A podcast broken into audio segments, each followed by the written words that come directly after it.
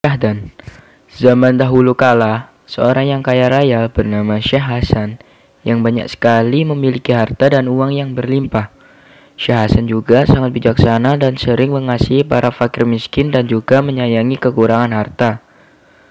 Terus menasihati yang berpikiran sempit. Karena itulah Syekh Hasan banyak sekali pengikutnya.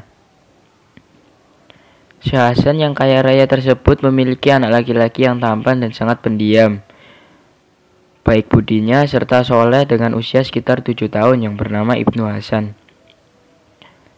Ibnu Hasan tersebut sedang lucu-lucunya sehingga bisa dikatakan hampir semua orang senang melihatnya, apalagi orang tuanya sendiri.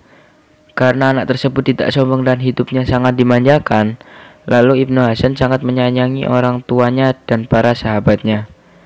Kemudian ayah berpikir,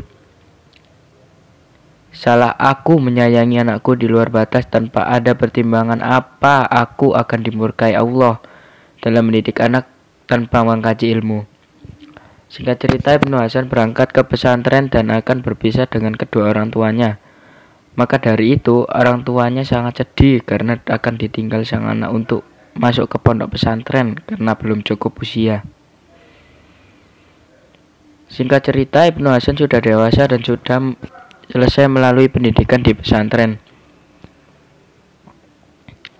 dan telah banyak mendapat ilmu agama dan sampailah pada kota Mesir. Lalu Ibnu Hasan berjalan dan bertemu dengan seseorang perempuan yang soleha yang baru pulang dari sekolah. Lalu Ibnu Hasan menyapa perempuan tersebut dan mereka kenalan.